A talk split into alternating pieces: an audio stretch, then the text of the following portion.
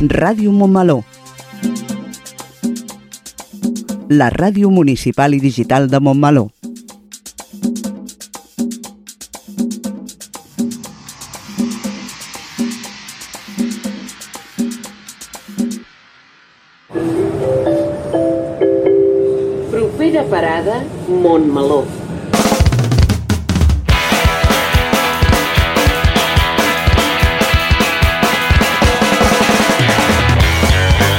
Montmeló sona.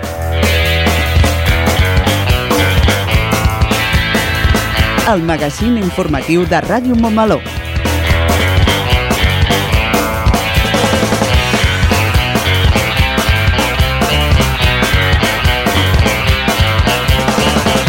Molt bon dia a tothom. Avui és divendres 28 de juliol de 2023 i comencem una nova edició del Montmeló Sona. Programa número 79. Estem a la vora del programa número 80, que no podem escoltar la setmana que ve perquè el programa d'avui serà l'últim de la temporada. Després del curs actual, en què la ràdio ha crescut molt i en el que hem explorat moltes possibilitats noves, ens prenem unes vacances. Per poder explorar més idees, per expandir més la ràdio i per oferir més possibilitats a la ciutadania, necessitem unes setmanes de descans per reposar i poder tornar amb les piles ben carregades. Ja m'estic veient a la platja prenent el sol ben tranquil amb una cerveseta a la mà. No t'embalis encara, Rubén, que abans de tot hem d'acabar el programa d'avui. L'últim Montmeló sona de la temporada. Montmeló Sona és el magazín informatiu setmanal de Ràdio Montmeló, coordinat per l'equip de comunicació de l'Ajuntament. Avui ens acompanya la Mercè Volart, el Toquem el 2 i el Pablo Agudo al bloc de l'entrevista. I a la locució del programa tenim a l'Olga Coromines i un servidor, el Rubén Cantón. I una vegada fetes les presentacions, passem al sumari de continguts que tenim preparats pel programa d'avui.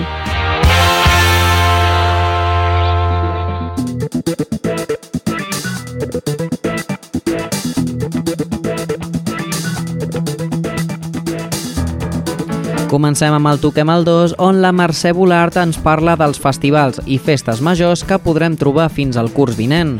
Seguirem amb el nostre espai informatiu Crònica de Montmeló, on farem un repàs de l'actualitat del nostre poble. Després farem una ullada a l'agenda d'actes que podem trobar els propers dies a Montmeló. Acabem amb el Pablo Agudo, que entrevista el Pere Fontanet, amic de la ràdio, exprogramador d'espectacles i extècnic de cultura de l'Ajuntament. I com ja sabeu, tot això i alguna cosa més és el que trobarem al Montmeló Sona d'avui 28 de juliol de 2023.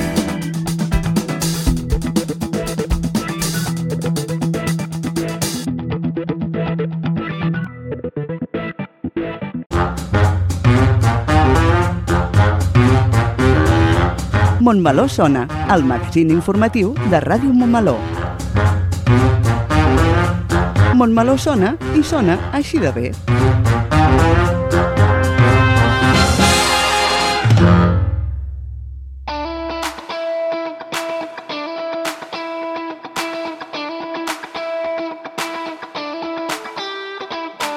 Aquesta setmana el Toquem el 2 canvia de veu i seré jo, la Mercè Volar, qui us farà les propostes. Desitgem una ràpida recuperació a la conductora habitual d'aquests viatges, la Maria Costa Freda. Deixem enrere el mes de juliol i encarem el mes d'agost, mes on molts de nosaltres agafem les vacances. Si alguna cosa caracteritza aquests mesos d'estiu, a més de la calor, les terrasses, la platja i el gelat, són els festivals d'estiu i les festes majors. En bicicleta o fent castells de sorra passàvem els estius quan érem nens. Avui us volem donar algunes recomanacions dels festivals que podeu trobar aquests dies ben a prop, però també ben lluny de Montmeló. Per si esteu de viatge o de vacances en algun indret, us hi pugueu acostar. Des del dia 21 i fins diumenge 30 de juliol podeu gaudir de la 32a edició del Dansàneu, el Festival de Cultures del Pirineu. 10 dies d'activitat intensa desplegada al llarg de tres franges horàries diferenciades, martí, tarda, vespre i nit, i que inclouen un total de 32 propostes artístiques, 17 de les quals seran gratuïtes. El Dansàneu desplega la seva proposta cultural lúdica, festiva i participativa en 8 poblacions del territori, Esterri d'Àneu, València d'Àneu, Isil, la Guingueta d'Àneu, Espot, Escaló, Sorpe i Sort. El Festival de Cap Roig a Calella de Palafrugell, Sons del Món a Roses, Portaferrada Sant Feliu de Guíxols, Castell de Paralada, Terramar a Sitges, Festiuet al Vendrell o l'Arts d'Estiu a Pineda de Mar són algunes de les propostes musicals que ofereixen estils de música ben diferenciats per als dies d'agost. Si en canvi ja heu gaudit de les vacances i el mes d'agost sereu a Montmeló, Barcelona té una àmplia oferta cultural i de lleure per a tots els gustos.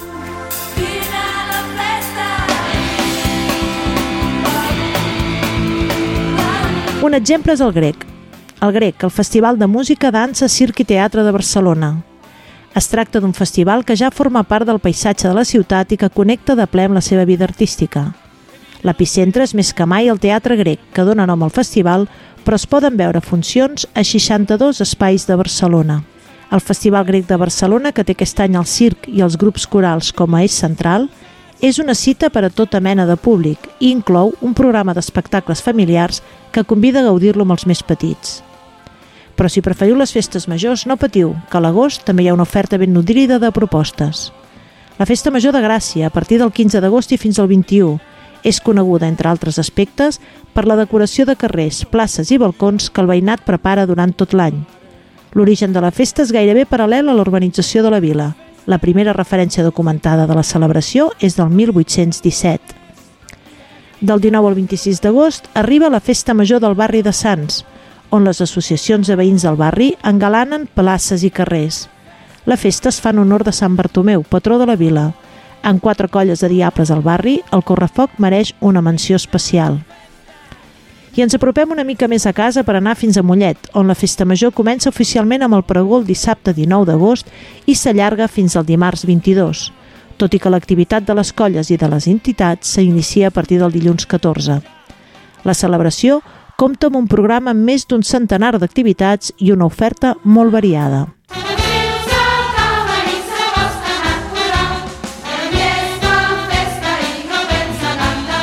I arribem a Granollers, tanquem agost, tanquem vacances i tanquem aquest viatge.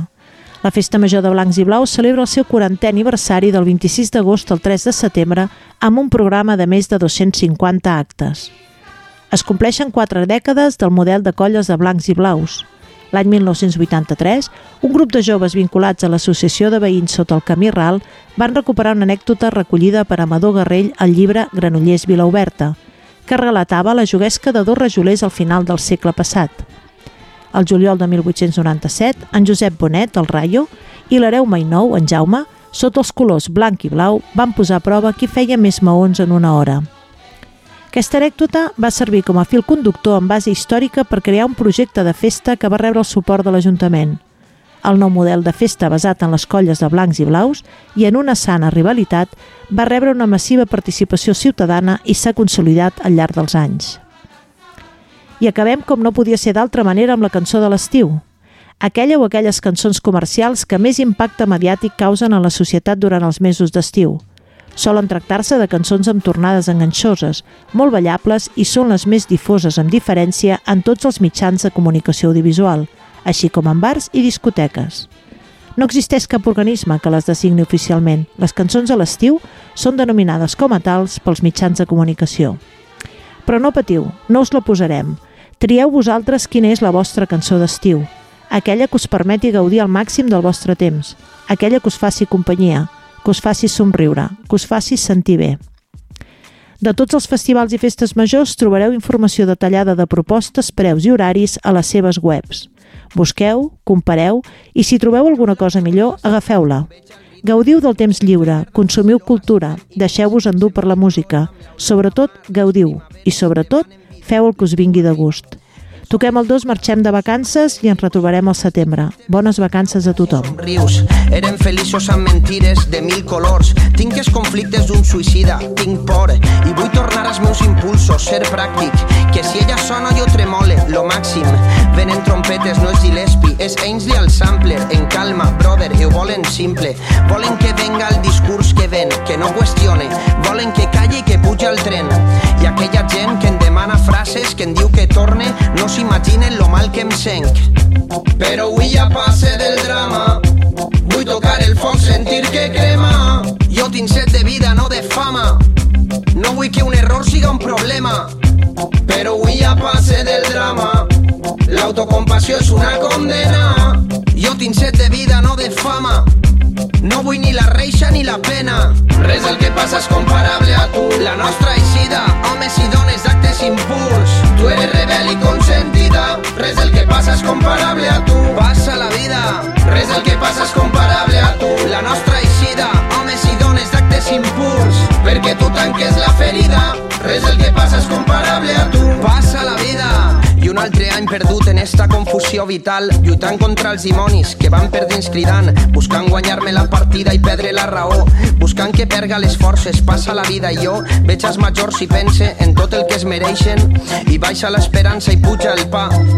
I amb esta perspectiva qui vol créixer, eh? Dubtes i dubtes, depressió ve i eufòria va. Que no serà per ganes de ficar les bombes, que serà per la por a perdre el que tenim. Qui no censura el fons critica per les formes i us passen del tema i us filen massa prim. Volen que venga el discurs que ven, la porten clara. Jo el que vull vendre és la victòria cara. Que vull mirar als ulls i un dia arriba l'hora. Que no puc ser feliç amb tanta merda i fora. Però avui ja passe del drama. Vull tocar el foc, sentir que crema. Jo tinc set de vida, no de fama. No vull que un error siga un problema. Però avui ja passe del drama. L'autocompassió és una condena. Jo tinc set de vida, no de fama. No vull ni la reixa ni la pena. Res del que passa és comparable a tu. La nostra eixida, homes i dones d'actes impuls. Tu eres rebel i consentida. Res del que passa és comparable a tu. Passa la vida. Res del que passa és comparable a tu. La nostra eixida, homes i dones d'actes impuls. Perquè tu tanques la ferida. Res del que passa és comparable a tu. Passa. Res del que passa és comparable a tu. La nostra eixida, homes i dones d'actes impuls. Tu eres rebel i consentida. Res del que passa és comparable a tu. Passa la vida. Res del que passa és comparable a tu. La nostra eixida, homes i dones d'actes impuls. Perquè tu tanques la ferida. Res del que passa és comparable a tu. Passa la vida.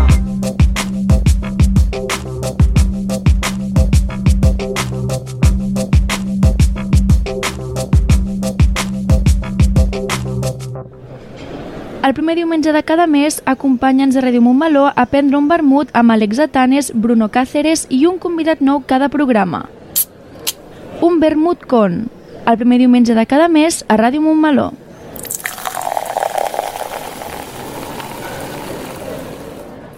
Al meu país la pluja no sap ploure. El canvi climàtic asseca els rius. Posa en risc l'abastament d'aigua i la producció d'aliments. Treballem per fer front a la sequera i garantir l'aigua, però cal l'esforç de tothom. Cada gota compte. La pluja no la controles, l'aixeta sí. Generalitat de Catalunya.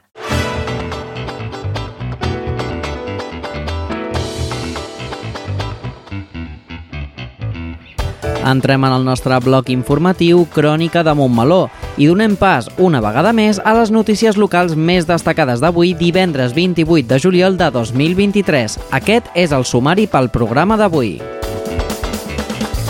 Les nits d'estius a la Romana acomiada la temporada amb un convivium ben exitós. A les eleccions del 23J la participació arriba al 71,45% i el PSC guanya Montmeló amb 2.047 vots. Montmeló compta amb 16 establiments adherits al voluntariat per la llengua, sis dels quals s'han fet durant la primavera i l'estiu d'enguany. Els comerciants de Montmeló reben una formació sobre la xarxa d'Instagram. L'espai de les Tres Creus de Montmeló s'hi ha rehabilitat.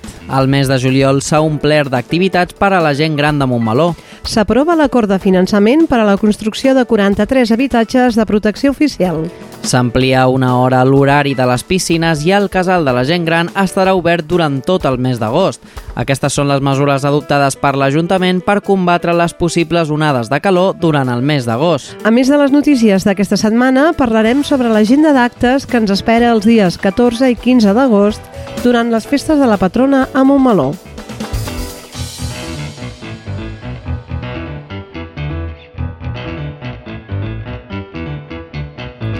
Les nits d'estiu a la Romana van tancar el seu cicle amb el clàssic Convivium, o sopar romà al jaciment de Mons Observants.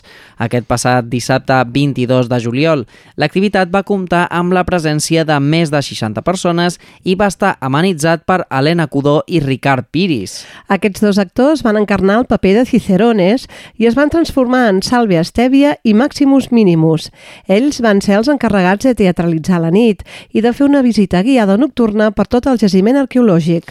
Quan ja va caure el dia, va arribar l'hora del sopar que va córrer a càrrec del restaurant Can Candelic, que seguint les antigues receptes del cuiner Apicius van elaborar un selecte menú amb els plats típics dels sopars de l'antiga Roma.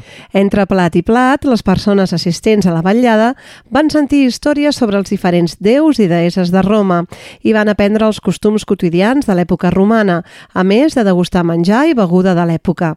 Va ser una nit on tothom va participar d'un excel·lent àpat i on van ser també part activa en les diferents representacions sobre la història de la creació de l'imperi romà.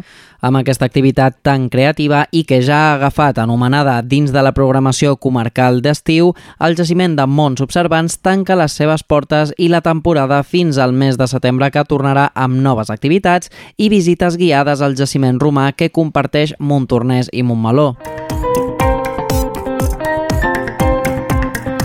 Absoluta normalitat durant la jornada de les eleccions generals del 23 de juliol a Montmeló. 4.892 persones han exercit el seu dret al vot. Finalment, les dades de participació han arribat al 71,45%, 4.892 vots, un 5,16% menys que les eleccions del 10N de 2019. L'abstenció ha estat del 28,54%, 1.954 persones. El PSC ha sigut el partit més votat, seguit per Sumar i PP. Aquests han sigut els resultats finals de participació. La participació de 4.892 vots, d'abstenció 1.954 vots. Els vots vàlids han sigut 4.846, els vots en blanc 48 i els vots nuls 46. I aquests han estat els resultats pel Congrés dels Diputats. El PSC amb 2.047 vots, Sumar amb 913 vots, el PP amb 636 vots, Esquerra Republicana amb 396 vots, Vox amb 347 vots, Junts amb 275 vots, la CUP amb 86 vots, el PACMA amb 62 vots, el PDeCAT amb 17 vots, Frente Obrero amb 9 vots, Partit Comunista dels Treballadors de Catalunya 8 vots i Recortes Cero 2 vots. Montmeló compta amb 16 establiments adherits al voluntariat per la llengua, sis dels quals s'han fet durant la primavera i l'estiu d'enguany. A Catalunya, els establiments col·laboradors ja són gairebé 5.000 comerços, bars, restaurants, on a més de parlar en català als usuaris, donen un cop de mà als alumnes de català que tot just comencen a aprendre la llengua. Les oficines de català de cada població fan ruta pels carrers de la localitat i conviden els establiments a formar part del voluntariat per la llengua, a fi d'ampliar la llista de comerços comerços que donen un cop de mà a la llengua. Adherir-se al voluntariat només implica signar un acord de col·laboració per tal que quan els usuaris s'adrecin en català ells mantinguin la mateixa llengua. D'aquesta manera, no només les persones catalanoparlants poden fer les seves compres sense canviar de llengua, sinó que també l'alumnat de català i aprenents i aprenentes lingüístics poden practicar l'idioma que estan estudiant. A Montmeló tenim 16 establiments adherits al voluntariat, sis dels quals s'han fet durant la primavera i l'estiu d'enguany. La botiga de roba Alma Coqueta, situada al passatge Mestre Bou, la d'electrodomèstics CIT del carrer Major i un altre dels comerços és la joieria quadrant al carrer Vic.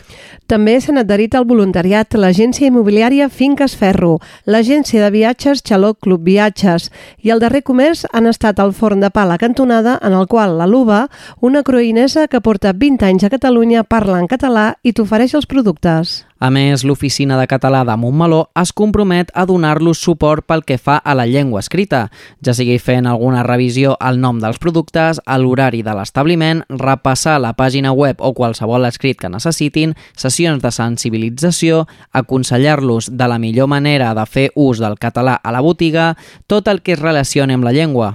L'Oficina de Català confia augmentar la llista de comerços amb noves visites.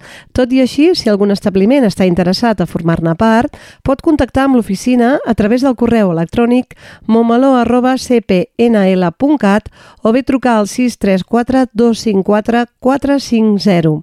Tots els establiments adherits passen a formar part de la llista d'establiments col·laboradors del voluntariat per la llengua. Fer ús del català, no canviar de llengua en veure que l'usuari o usuària tenen un altre color de pell o forma de vestir, donar un cop de mà a qui intenta aprendre la llengua són els objectius principals pels quals convidem més comerços a formar part d'establiments col·laboradors. Els coneixereu perquè tenen col·locat un adhesiu identificat com a comerç adherit al voluntariat per la llengua a l'aparador o a l'interior de la botiga. Els comerciants de Montmeló reben una formació sobre la xarxa d'Instagram. A més de l'oferta habitual de promoció econòmica, com és el servei d'Hora Express, l'espai de recerca de feina i les sessions d'informàtica bàsica, durant aquest mes de juliol s'han programat a la G2M dos cursos i una sessió informativa. Durant els tres primers dilluns de juliol s'ha dut a terme un curs presencial d'Instagram, adreçat als establiments del municipi. El curs ha consistit en tres sessions informatives i pràctiques sobre les possibilitats que ofereix la xarxa d'Instagram per promocionar el comerç. Ha estat totalment subvencionat i s'ha realitzat fora de l'horari comercial, fet que ha possibilitat una major assistència. Gràcies a la bona acollida s'està valorant la possibilitat de noves sessions formatives d'aquest tema després de la pausa estival. També està previst oferir més formació en aparodisme i marxandatge, així com sobre la gestió econòmica del negoci, dues altres demandes del sector comercial del poble. Promoció econòmica i els diferents serveis que s'ofereixen a les instal·lacions de la G2M tancarà les portes el 29 de juliol i tornarà a obrir l'1 de setembre per continuar oferint nous cursos formatius relacionats en el món laboral. L'espai de les Tres Creus que dominen el turó que porta el seu nom i que són la icona geogràfica dels símbols de Montmeló s'ha rehabilitat. El monument del turó de les Tres Creus té un nou aspecte gràcies al procés de rehabilitació i restauració, promogut per l'Ajuntament de Montmeló que va començar aquest passat mes de juny.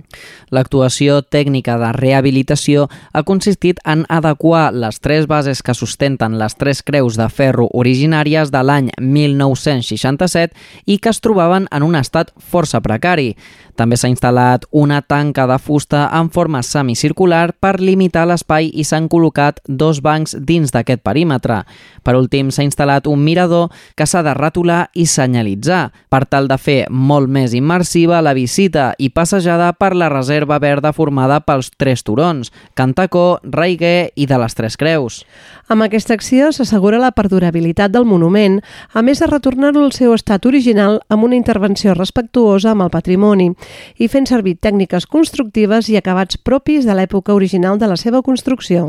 Fent una mica d'història, la primera referència que es té de les Tres Creus es remunta a l'any 1747, on surten dibuixades en un croquis que representa un mapa de Montmeló signat pel geòmetre Mateu Puig. La raó de la seva construcció encara sembla incerta. Hi ha qui diu que era per donar a la muntanya l'aspecte del calvari bíblic, altres que diuen que seria el final de la Via Crucis dels caputxins de Granollers.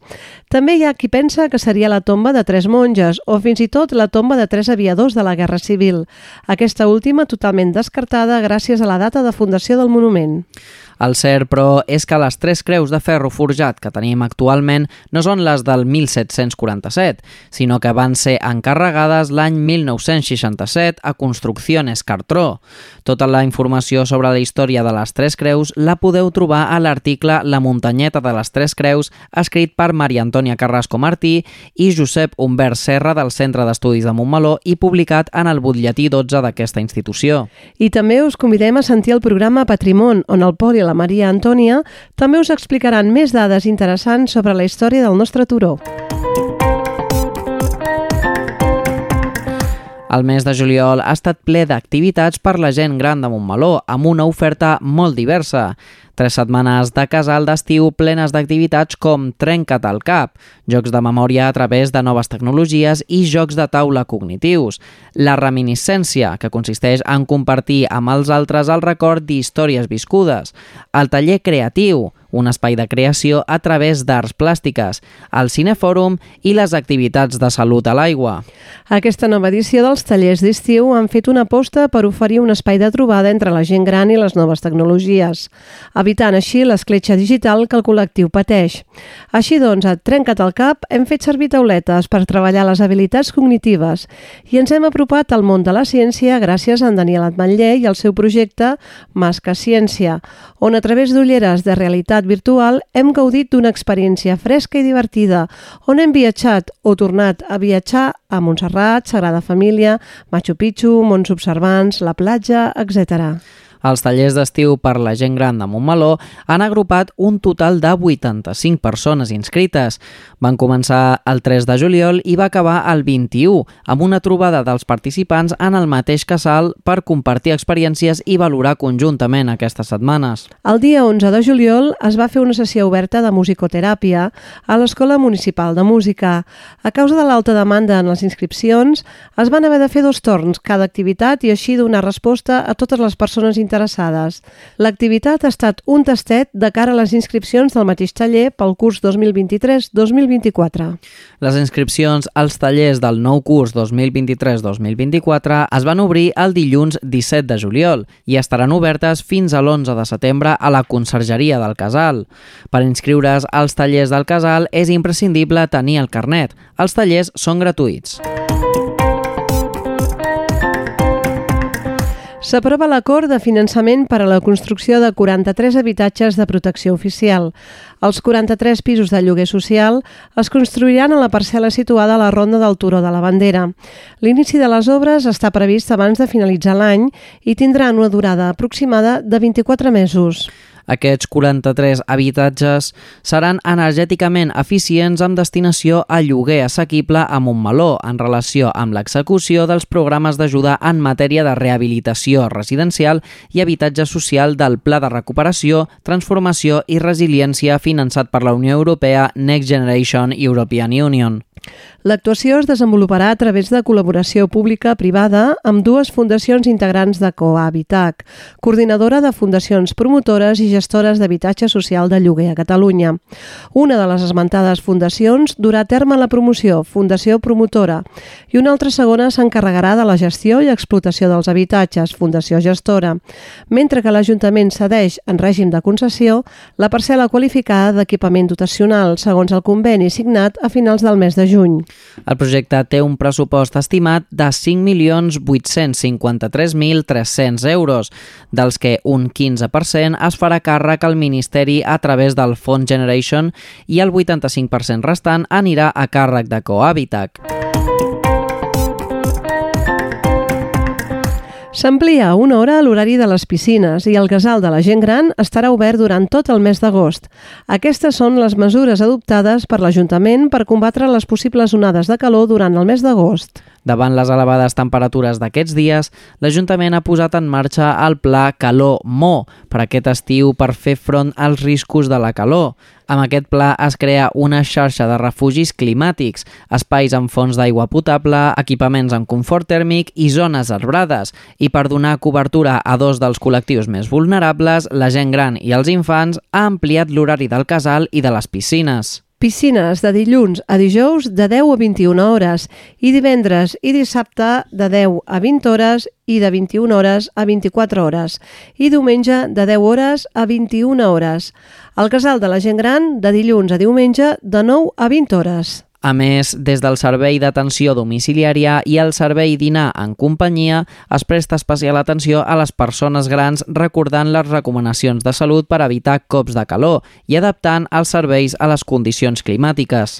D'altra banda, el Servei Local de Teleassistència contacta proactivament amb les persones usuàries més vulnerables, amb nivell RED 3, persones amb situació de risc elevat i amb les persones que viuen en habitatges aïllats.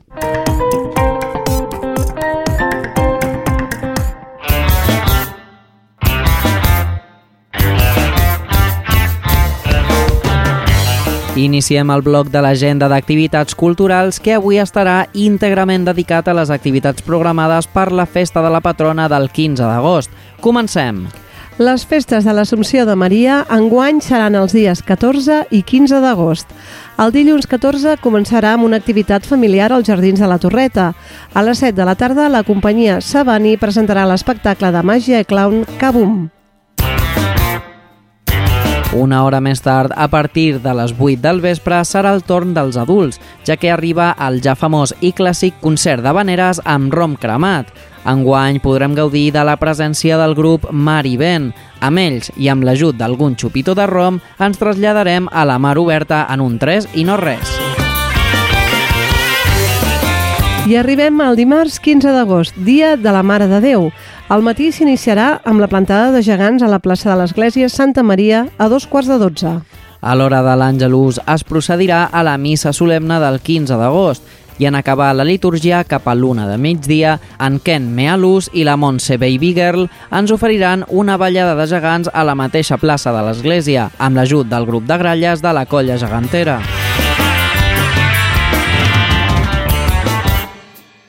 A un quart de dues, l'activitat es traslladarà a les piscines, concretament a la zona del bar, on s'oferirà un vermut concert que amenitzarà l'Andri el Rumbero. Vermut, patates i olives, a ritme de rumba catalana. L'activitat continuarà a les piscines municipals a la tarda. A partir de les 5 hi haurà una festa aquàtica amb inflables i moltes proves. Us recordem que durant tota la jornada del dia 15 d'agost les piscines seran totalment gratuïtes per a totes les persones que vulguin banyar-se.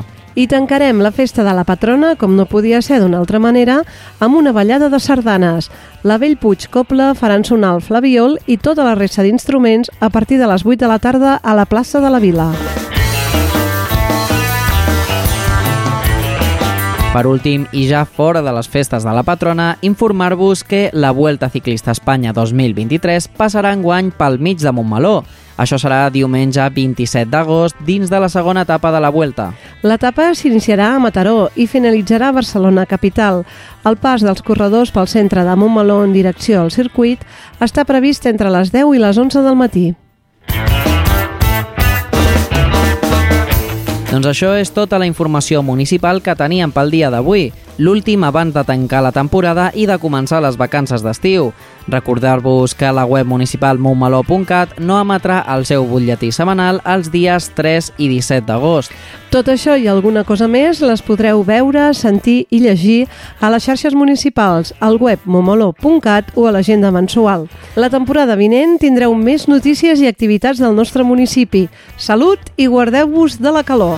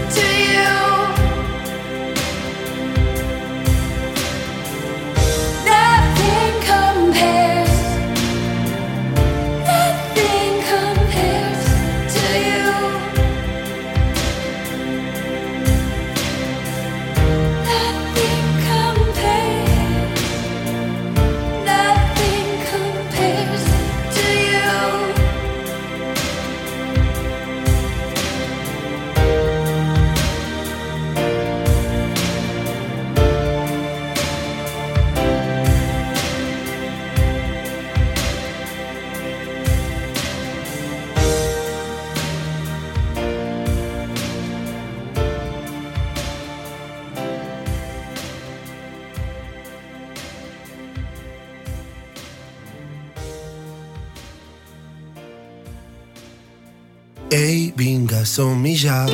És el moment de fer el pas. A casa, a la feina i al carrer. Quan anem de festa o al taller. Parla'm amb el teu accent. Només hem de començar. Aprovem-ho en català. Tu per mi i jo per tu. I quan vulguis tots plegats. Molt per parlar, molt per Provem-ho en català. Molt per parlar, molt per viure. Generalitat de Catalunya. Sempre endavant.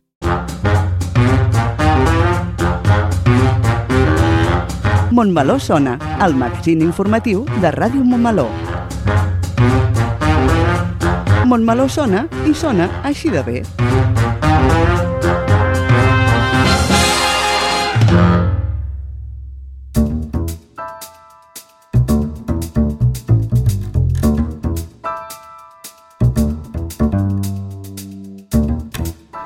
Molt bon dia. Com bé sentiu, aquesta no és la veu de la Lola. Avui seré jo el que faci l'entrevista. Soc el Pablo Agudo, de l'equip de comunicació de l'Ajuntament. I com avui és el darrer programa del Montmeló Sona de la temporada, ens hem volgut fer una mica de, de joc intern entre nosaltres i hem volgut canviar els papers. Eh, ja veieu, avui ens toca una entrevista diferent i em toca a mi estar davant dels micros, així que no sé ben bé què és el que passarà. De fet, eh, l'entrevista d'avui també serà una mica diferent i serà com una mena de juguesca. Avui, per tancar l'espai de l'entrevista, parlarem de cultura en majúscules, ja que l'estiu és sinònim de festivals, d'espectacles i de festes majors a tot arreu. I diem que ho farem en majúscules, eh, ja que l'entrevista d'avui és a una persona que, per la seva trajectòria a Montmeló, s'ha esdevingut un referent cultural a la comarca i jo diria també que fins i tot a Catalunya. Es tracta d'un vell conegut de tothom, d'un amic del programa Montmeló Sona i del responsable durant molts anys de la programació cultural de Montmeló. Avui torna a estar amb nosaltres, al Montmeló Sona, el nostre amic Pere Fontanet i Ventura, montmeloní d'honor, exprogramador d'espectacles, extècnic cultural de l'Ajuntament fins fa uns mesos i actualment hortelà, viticultor i avi de dues netes. Molt bon dia, Pere. Molt bon dia. Suposo que amb aquesta presentació ja estaràs més ample que alt. He, quedat... mm, No, no hi quepo a la cadira. Bueno, doncs comencem amb l'entrevista. Avui, més que una entrevista, crec que això es convertirà, com ja esteu veient, en una agradable conversa entre dos amics i coneguts, ja que tots els que estem aquí eh, coneixem la figura del Pere Fontanet i ens uneix d'alguna manera un vincle afectiu de fa molts anys. Però al marge d'aquesta primera ensegonada, eh, és evident que amb tot aquest currículum podríem dir que el Pere Fontanet eh, és un home de renaixement, eh, que al llarg de tota aquesta dilatada trajectòria laboral ha tocat molts pals, però sempre d'una manera o d'una altra ha estat vinculat al teixit associatiu i cultural de Montmeló. Per això volem fer un recorregut cronològic de la seva carrera i així comencem pel principi. Els primers passos del Pere en el món de l'espectacle va ser amb l'entitat Rialla, si no m'equivoco. Però abans eh, et coneixíem com a monitor d'esplai, almenys alguns dels, de, dels que ja tenim una certa edat. Creus que el fet de ser monitor va ser l'espurna que va encendre aquesta passió de la cultura en general i pel món de, dels espectacles infantils en particular? Eh, Sí, sí, sí, sens, sens dubte. Uh, recordo una entrevista que em van fer a l'any 2000, farà cinc anys, que vaig ser contraportada del periòdico pel motiu d'haver creat la mostra de teatre infantil i familiar d'Igualada i llavors em van preguntar també com, com, com t'inicies en aquest món de l'espectacle, no? I els hi vaig dir el mateix. I per mi va lligat a tres conceptes. El Club d'Esplai Montmeló, el Paco Ríos i l'Albert Álvarez.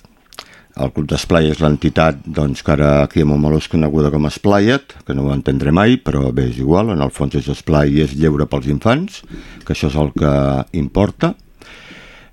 I en aquella època, jo sempre ho dic, era més senzill eh, ser monitor i fer coses, perquè només hi havia i ara ja no sóc, eh, bueno, no sé com em diuen, però jo prefereixo parlar les coses pel seu nom, allò de dir gran. Llavors només hi havia la, la, per la tele, hi havia la cadena U i la UHF, no es deia ni la 2, es deia la UHF.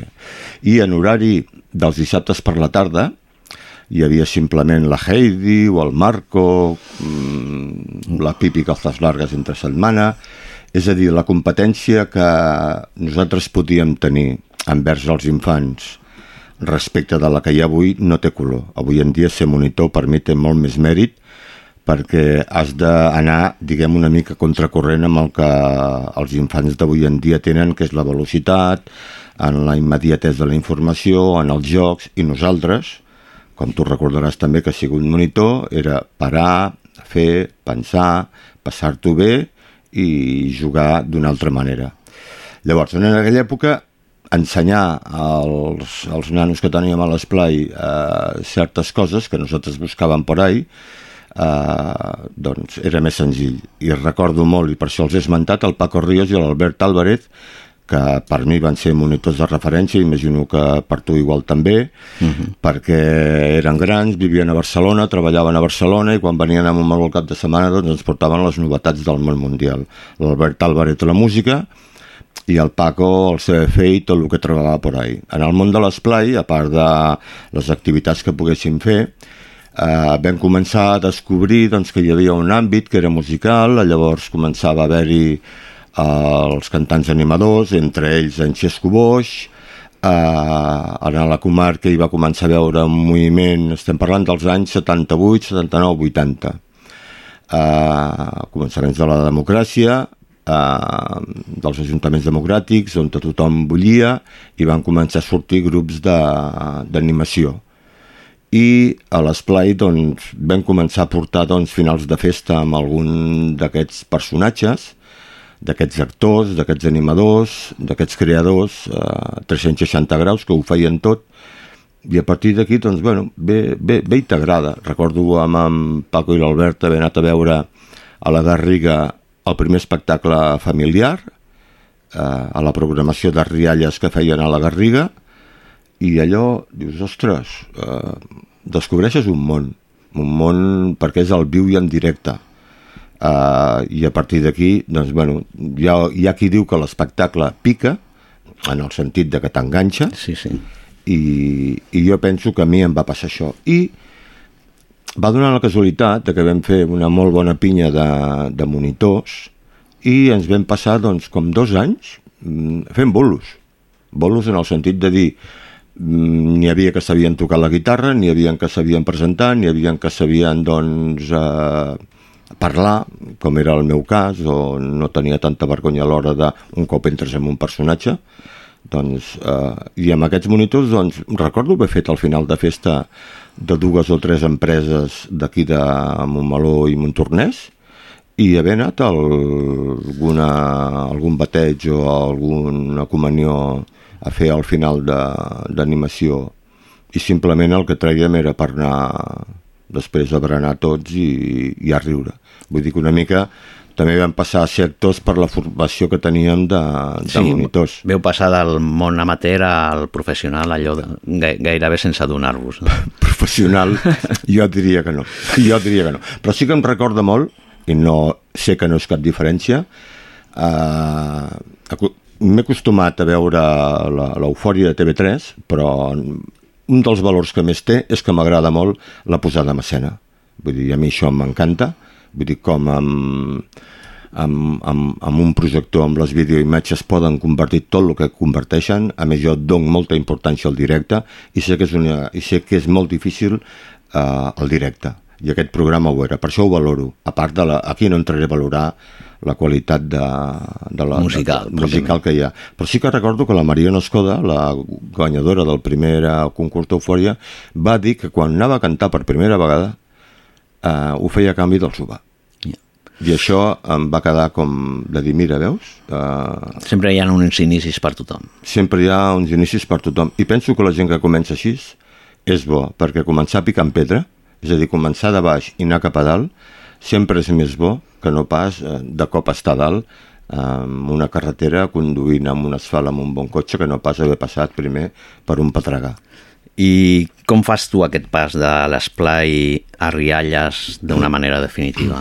I comences amb Rialles i quants anys estàs allà? Explica'ns una mica aquesta fase. Mm, molt senzill, el, el cap al 88-89, jo entro a treballar a l'Ajuntament a l'any 82, era un any, era un temps en què tot estava per fer, perquè eren els començaments, quan jo vaig començar a treballar a l'Ajuntament duia tota l'àrea així una mica, en realitat el que ara és serveis personals, de cultura, esport, joventut, piscines, una mica de tot, una mica de tot, érem set treballadores a l'Ajuntament i eh, bé, arriba un punt que penso que amb un meló en aquest aspecte, hòstia, em ve de gust molt un canvi a nivell personal, a nivell laboral i se'm presenta la possibilitat d'anar a treballar a, a Òmnium Cultural que té una delegació funcional, que vindria a ser com una delegació, es diu funcional perquè funcionava autònoma, però depèn d'Òmnium, que és el Moviment Rialles de Catalunya.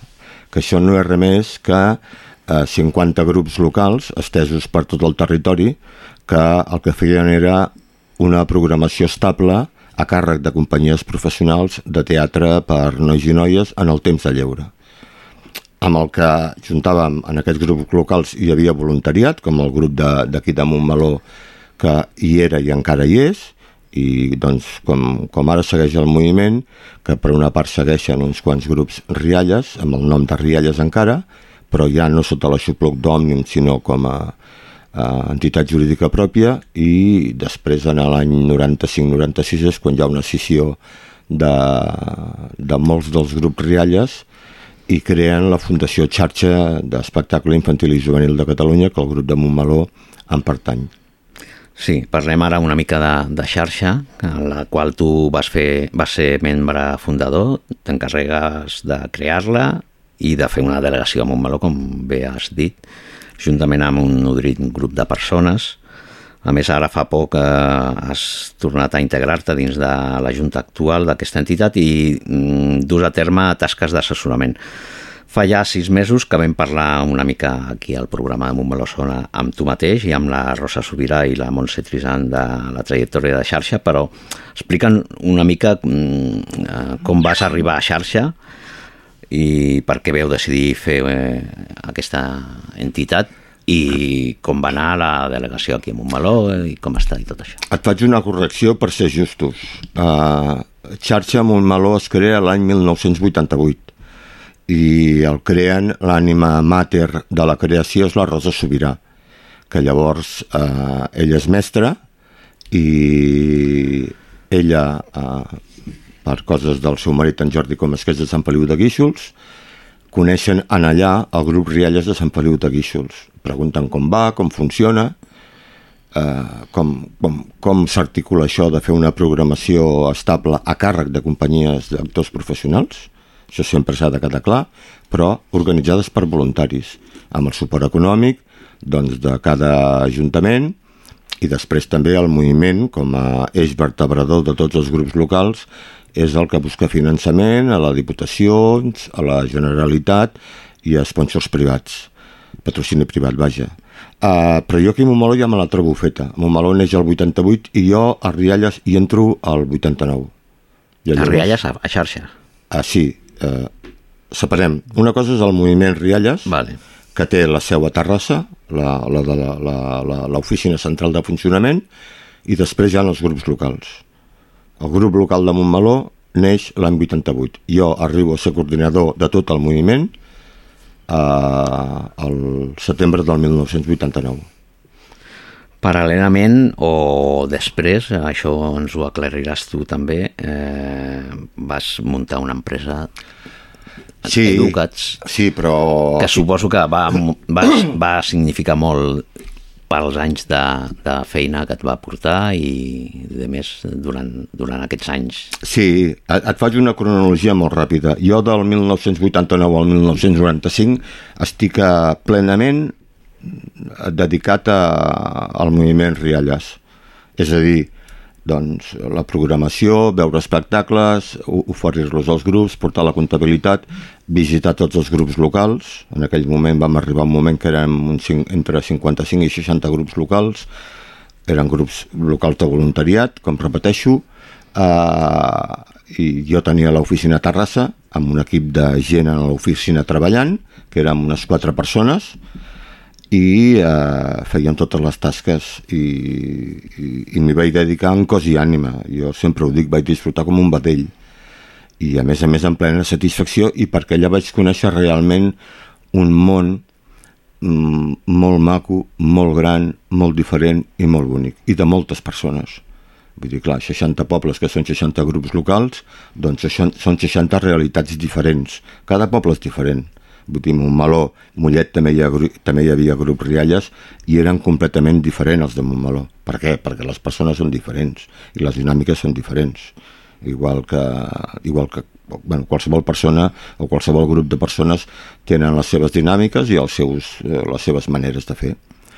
I són 60 realitats. Jo conec a molta gent, eh, arribo a nivells que jo mai en ma vida hagués dit, a parlar amb el mm, diputació, amb les diputacions, doncs amb el diputat de Cultura, amb, amb els tècnics més alts de cada diputació, perquè està representant un volum de contractació que estem parlant de més de 600 espectacles al cap de l'any eh, al llarg de, de tot el moviment amb la programació i, i fins i tot amb la Generalitat. Recordo molt gratament una entrevista amb el que va ser, a part amb el conseller de Cultura, amb el que llavors era el president de la Generalitat, que era en Jordi Pujol. Vaig quedar impactat del seu coneixement del territori, perquè me'n recordo que a la reunió no hi vaig anar jo sol, i anava en l'equip directiu del moviment Rialles, a part del president d'Òmnium i alguna persona més de l'entitat d'Òmnium, hi havia responsables de grups locals que integraven l'equip directiu del moviment, amb diferents persones del moviment, d'Esparreguera, de Gavà, hòstia, els hi començava a treure les coses del seu poble, eh, però s'ho sabia de memòria. Vull dir, és una, mm, allò que m'havien explicat alguna vegada d'ell, Sí, que sí, coneixia la realitat del país, doncs aquell dia ho vaig comprovar. Total, eh, vam acabar la conversa que teníem en dos minuts, perquè va dir, veig que em veniu a demanar diners pel que necessiteu, eh, ens va posar una xifra sobre la taula, vam marxar encantats i vam començar a parlar del país, com deia ell, de cada realitat local, de les persones que m'acompanyaven.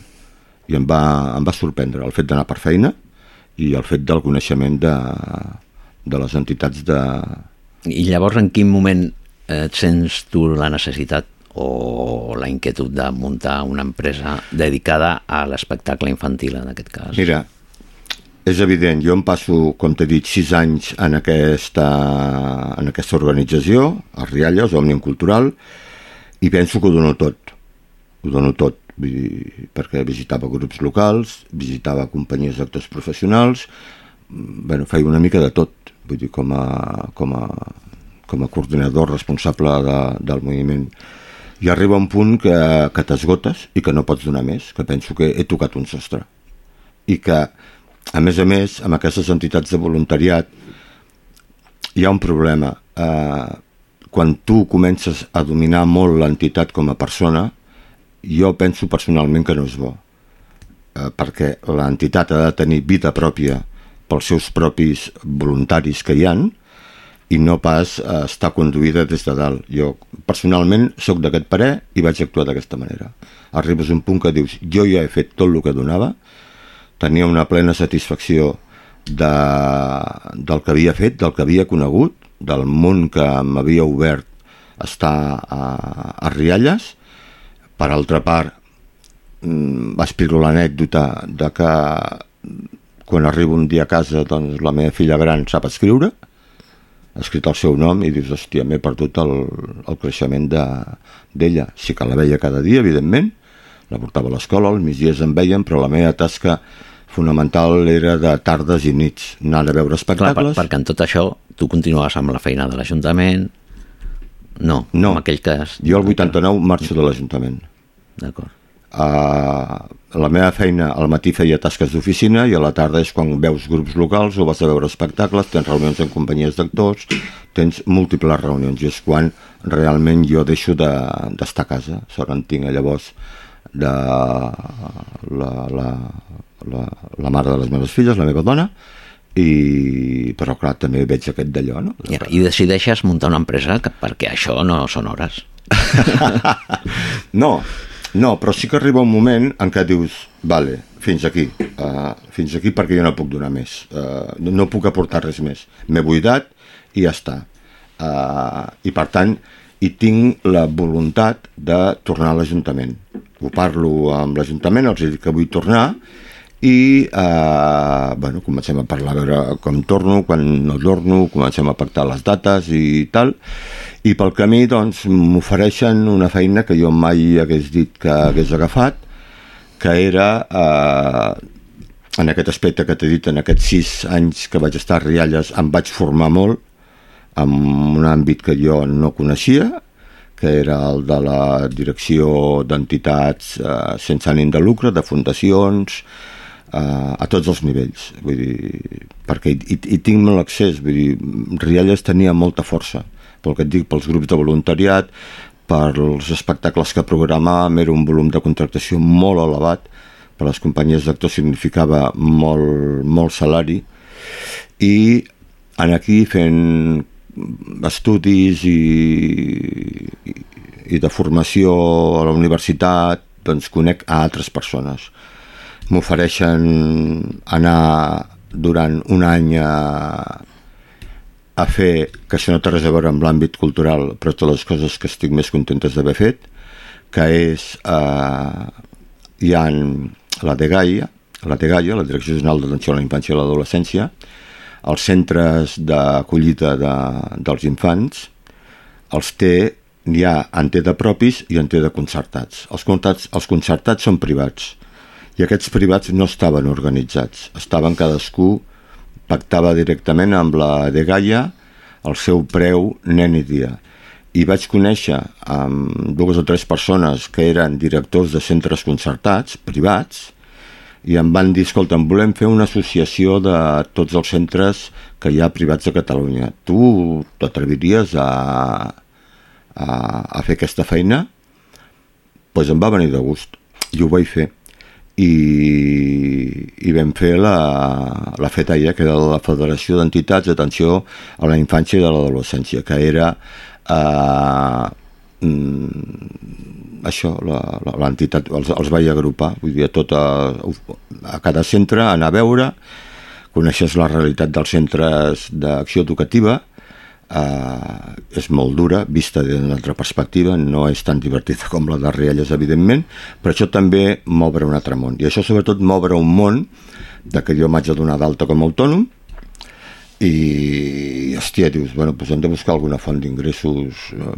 més per viure, vull dir, perquè, perquè sí, perquè tampoc no em venia en aquell moment venir de gust tornar a l'Ajuntament de Montmeló perquè, hòstia, veia que perdia el món i vaig trobar-me pel camí a la Montse Garcia eh, amb la que li proposo de dir, escolta, mm, estic fent aquest projecte de la FEDAIA, necessito algú que m'ajudi, a tu et vindria de gust a ajudar-me, donar un cop de mà en coses administratius, anar amunt, anar avall, fer gestions.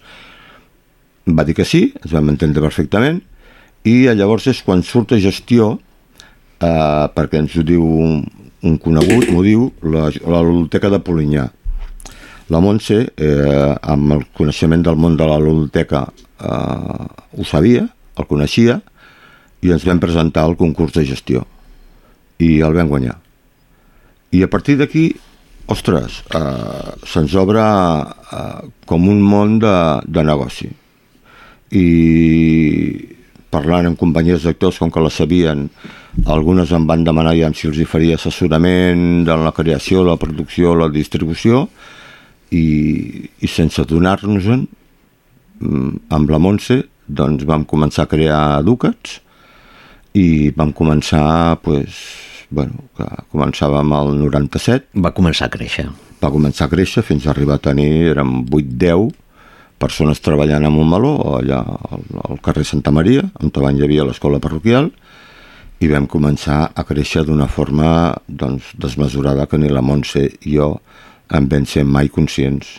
I em sap molt Perquè greu. des, des d'Educats es va es van fer moltes eh, activitats i es, van, eh, es va portar el manejament de, de molts grups i sí. no sé, els artistes o les coses així que més recordes tu mm, amb més mm, volada o que més et va agradar fer en aquests anys d'educats? Jo el que més recordo és... Uh, hòstia, que, que la cosa se'ns va fer gran. Per què? Perquè teníem molta empenta, teníem molta il·lusió, sabíem el que fèiem, jo coneixia molt el que feia, aquesta és la veritat, perquè si alguna vaig aprendre durant els 6-7 anys de Rialles era eh, el món de l'espectacle familiar i sobretot el món de l'espectacle de carrer, que a mi és de les coses que m'agraden més.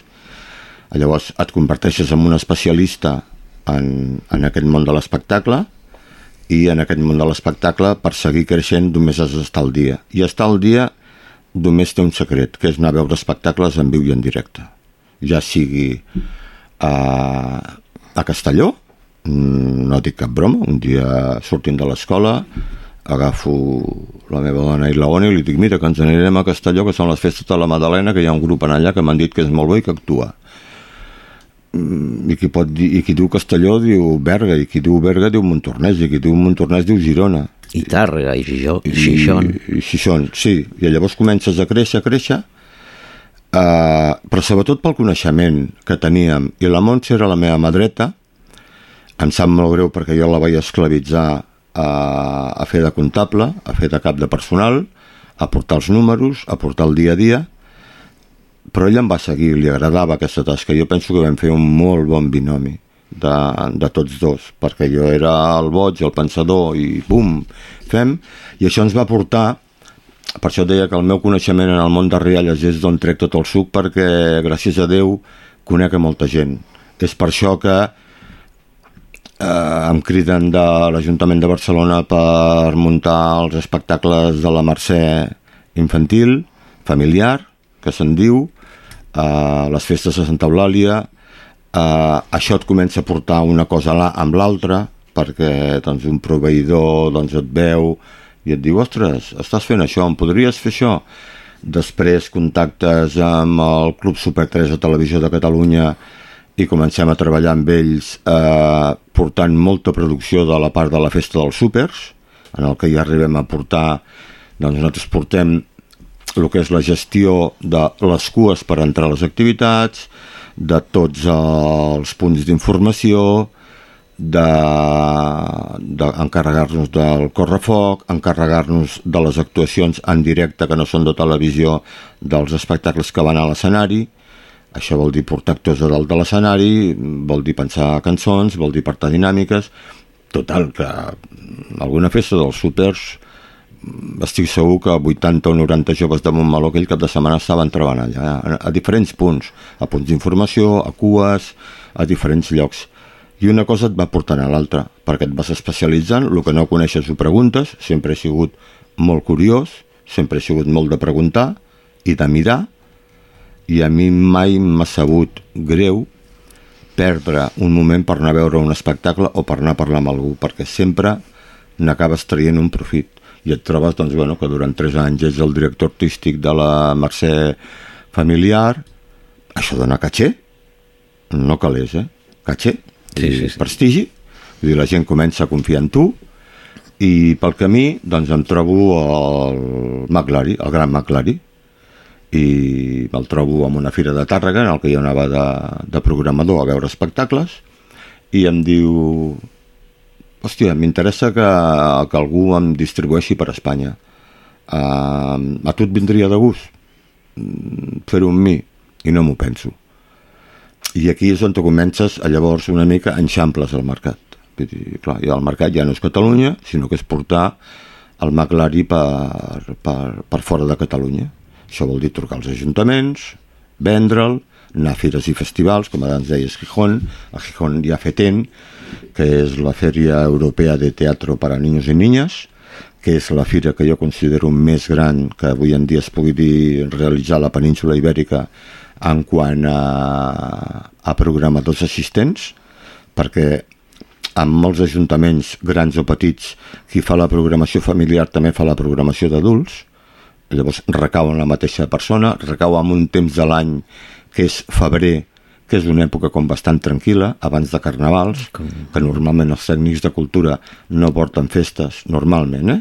hi pot haver alguns casos en la que la mateixa persona ho porta, però no coincideix mai en carnaval, ja ho procuren, i aquí comences a, començar a conèixer aquests festivals, i comences a conèixer programadors, i comences a conèixer altres companyies, i comences a conèixer teatres, i, i així anar fent, i una cosa et porta a l'altra, coneixes el Monti, el pallasso que ja no hi és, amb una producció del Teatre Lliure, en la que com a Ducats obtenim l'exclusiva de distribució, penso que no ho fèiem malament, l'equip que teníem de treballadors a Ducats eren molt humans, eren molt propers, jo sempre he estat rodejat de dones a Ducats, quasi bé tot eren dones, llevat de l'Oriol i el Xavi, el temps que hi van ser, però a mi m'ha agradat sempre treballar amb, amb, amb dones, amb persones femenines, perquè penso que tenen una, un tarannà molt, molt calent, de, jo sempre parlo de la línia calenta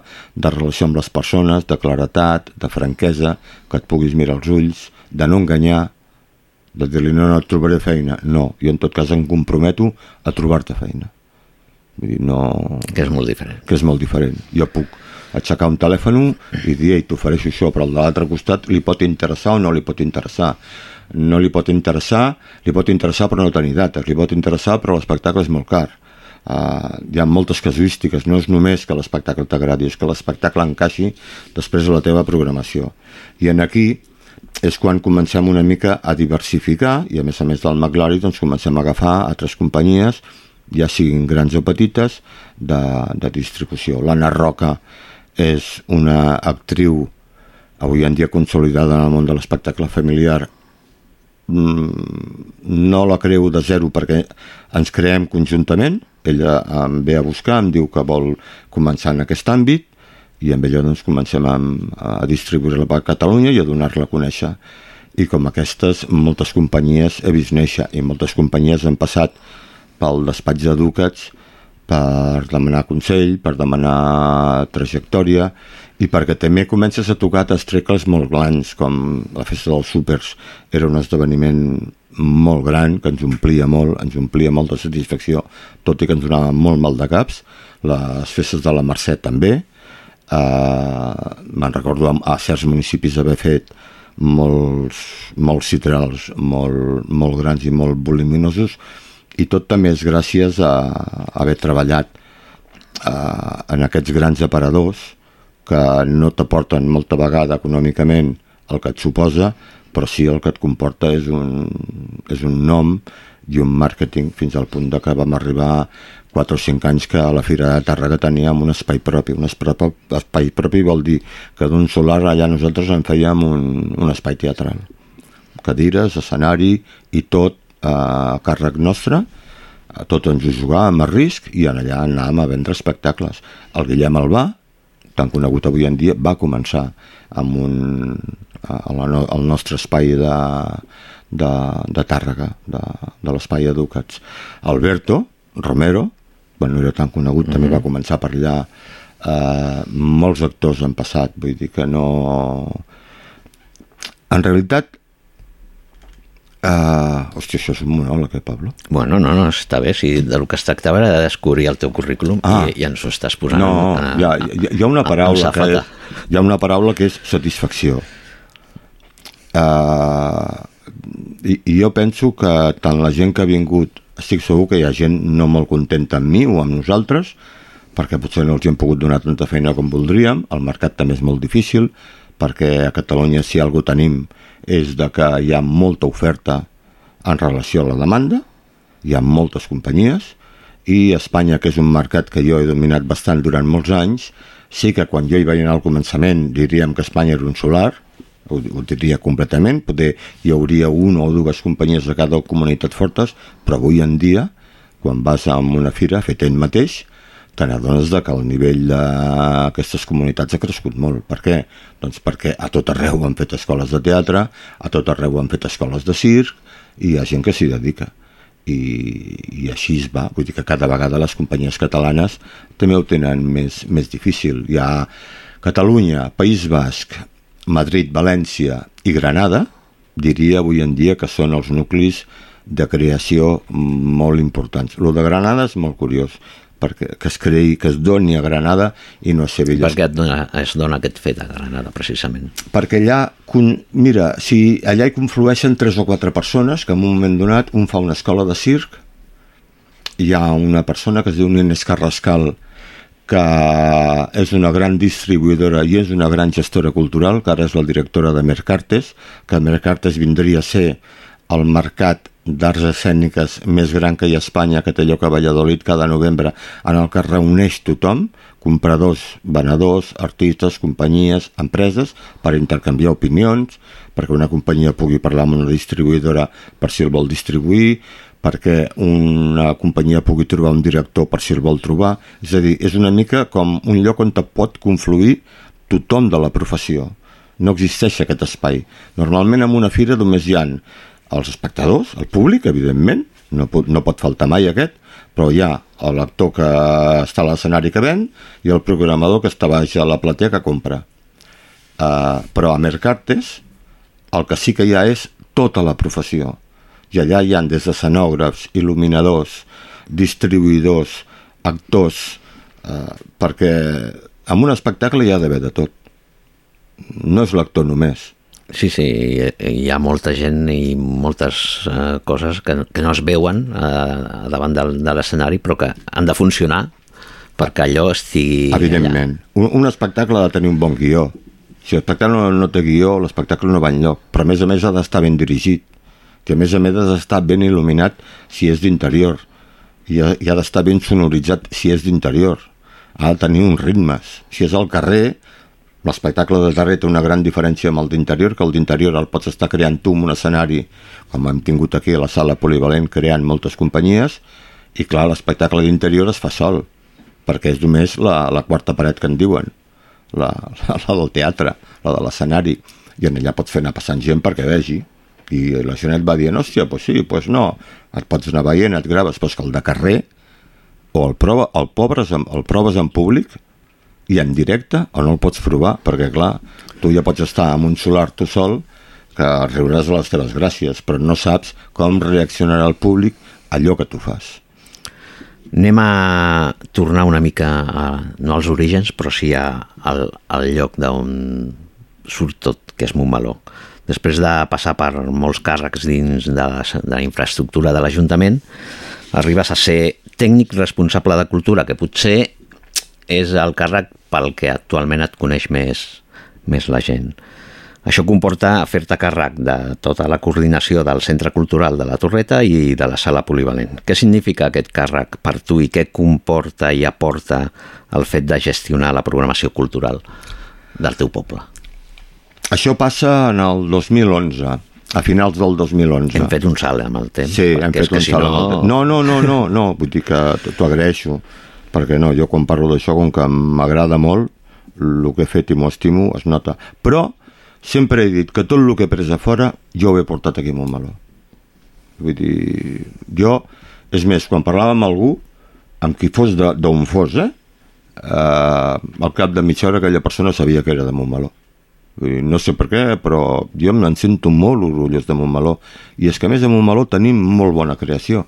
Tenim molt bones companyies, tenim molts bons actors i actrius, vull dir, hi ha un teixit cultural a Montmeló de gent eh, treballant en aquest àmbit, vull dir que no voldria dir ningú per no deixar-me'ls, però que n'hi ha molts, de tots els àmbits, eh?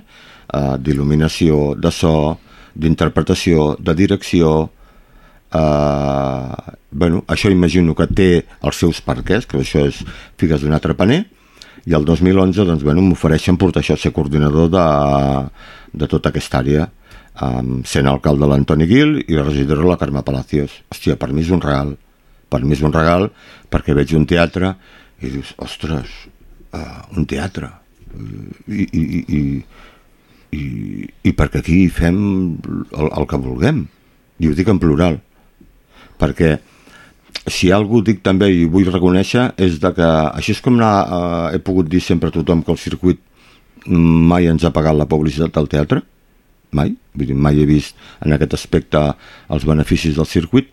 També he pogut dir que dono moltes gràcies i des d'aquí els hi torno a repetir uh, tant els alcaldes Antoni Gil com Pere Rodríguez com les regidores Carme Palacios i Ariadna Ojeda que mai m'han posat cap problema a l'hora de programar. Mai m'han dit no a cap espectacle. És a dir, jo, sé, jo els hi portava una tria i els hi deia, mireu, jo faria això. Uh, pum, pum, pum, pum, pum, pum sembla bé, canviàvem alguna cosa traiem, posàvem d'acord amb una taula. Jo tinc un bici que és molt conegut per tothom que és que jo els espectacles els vull veure en directe. Jo en poques vegades he programat alguna que no he vist. Ha hagut de ser d'algú, d'algú de qui me'n refiés però jo si haig d'anar a veure un espectacle l'haig d'anar a veure a Girona pues m'hi en vaig. Uh, no, sí. no esmerço temps i no em sap greu. Per què? perquè tu quan veus un espectacle dalt d'un escenari jo me l'estic imaginant o no me l'estic imaginant en el meu teatre. Per, per I pots valorar si és un espectacle adient perquè vingui o no. Sí, sí, sí. Però no perquè a Montmeló tinguem un públic especial eh? no, sinó perquè uh, cadascú mm, sap el casa seva com és.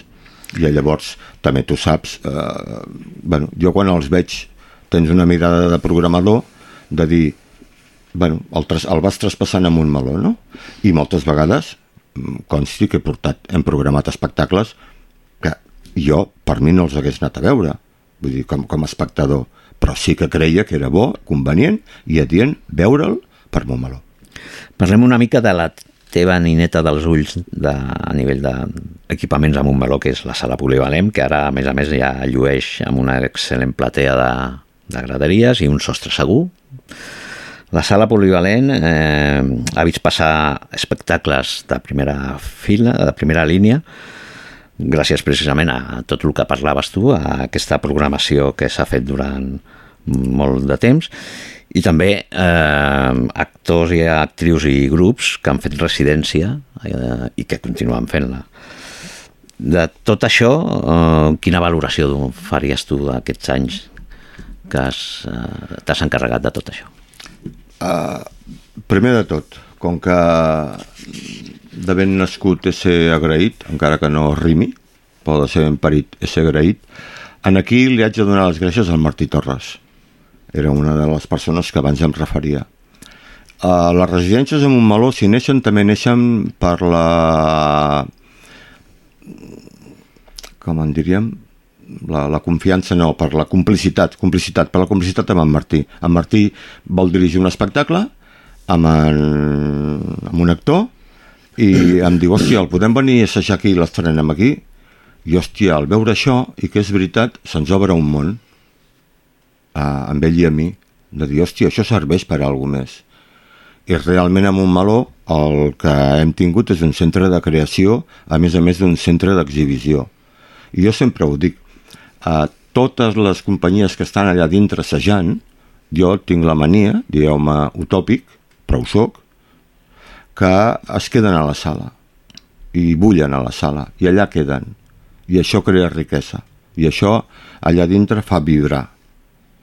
I és quan comencem a entomar molt més directament i a donar veus, és a dir, escolta'm, tenim un espai, si vols venir allà, assajar-lo, només et demanem a canvi que ens facis una, un assaig obert, una funció d'ina- d'inauguració. Amb cada companyia hem fet allò que amb ella li ha vingut bé i allò que a nosaltres ens ha interessat. Per exemple, han vingut companyies de teatre familiar. L'han pogut fer amb la programació de xarxa o bé l'hem fet... Amb la programació escolar. Amb la programació escolar o bé l'hem fet pel casal d'estiu. És a dir, cada espectacle li han anat donant la seva utilitat. És a dir, un equipament públic és de tothom, però necessita el seu retorn cap a la població, doncs que la població li retorni. Algun espectacle l'hem retornat a la gent gran perquè anava cap adreçat a més gent gran. Algun espectacle l'hem adreçat cap a un altre col·lectiu perquè anava adreçat més cap a aquell. Uh, I algun espectacle doncs, l'hem adreçat a tota la base de dades que tenien de socis, que és el que feien normalment, que dèiem, avui fem un assaig obert d'aquest espectacle. Mm, tenim 300 cadires, en tenim 200, els primers que demanin uh, l'entrada la, la tindran, i és així. Guardo un molt bon record de, bueno, l'anècdota que explico, aquí hem tingut la pegatina. Tenir la pegatina cada any amb un meló, estrenant, hòstia, sembla senzill, d'acord, és senzill, però pensar que en el seu municipi no es posen d'acord per això, és que a mi em treu de polleguera. Vull dir que, que li estan oferint el mateix que nosaltres, i aquest, estem parlant d'un espectacle que val més de 10.000 euros. Vull dir, I nosaltres el tenim gratuït, fent la sessió de l'espai una setmana. A més a més, jo, com que amb això sóc molt xofarder, ho reconec, em passo estones amb ells, encara que només sigui assegut en una cadira amb un costat mirant, i, i mires el que fan, mires els tècnics com treballen, perquè clar, a, a mi m'interessa tant el treball de la persona que treballa amb una taula de titelles ell sola, com aquests muntatges de la pegatina, i ja no et parlo de com vam tenir aquí l'estrena de la Fura. Vull dir que allò ja va ser el Nova Mas, tot i que la funció de divendres eh, no va anar prou bé, perquè evidentment hi havia molta tecnologia, tot era funcionant pel mòbil i allò mai ho havia vist i penso que vam xalar tots i ens vam quedar tots. Va ser un luxe, sí. Va ser un luxe. I és que, aviam, aquest espectacle val... Té més de 6 xifres, aquest espectacle. No l'haguessin pogut parar, pagar. Vull dir, penso que per Montmeló és un luxe. Però reconec, és tan luxe aquest com que el Joan Català, un gran actor de teatre de carrer, hagi decidit venir a crear aquí el seu, el seu proper espectacle després de venir a actuar, com Mira, som molt amics perquè entre ells ho han anat passant del col·lectiu que es diu Cronopis, que són una gent de circ del Maresme.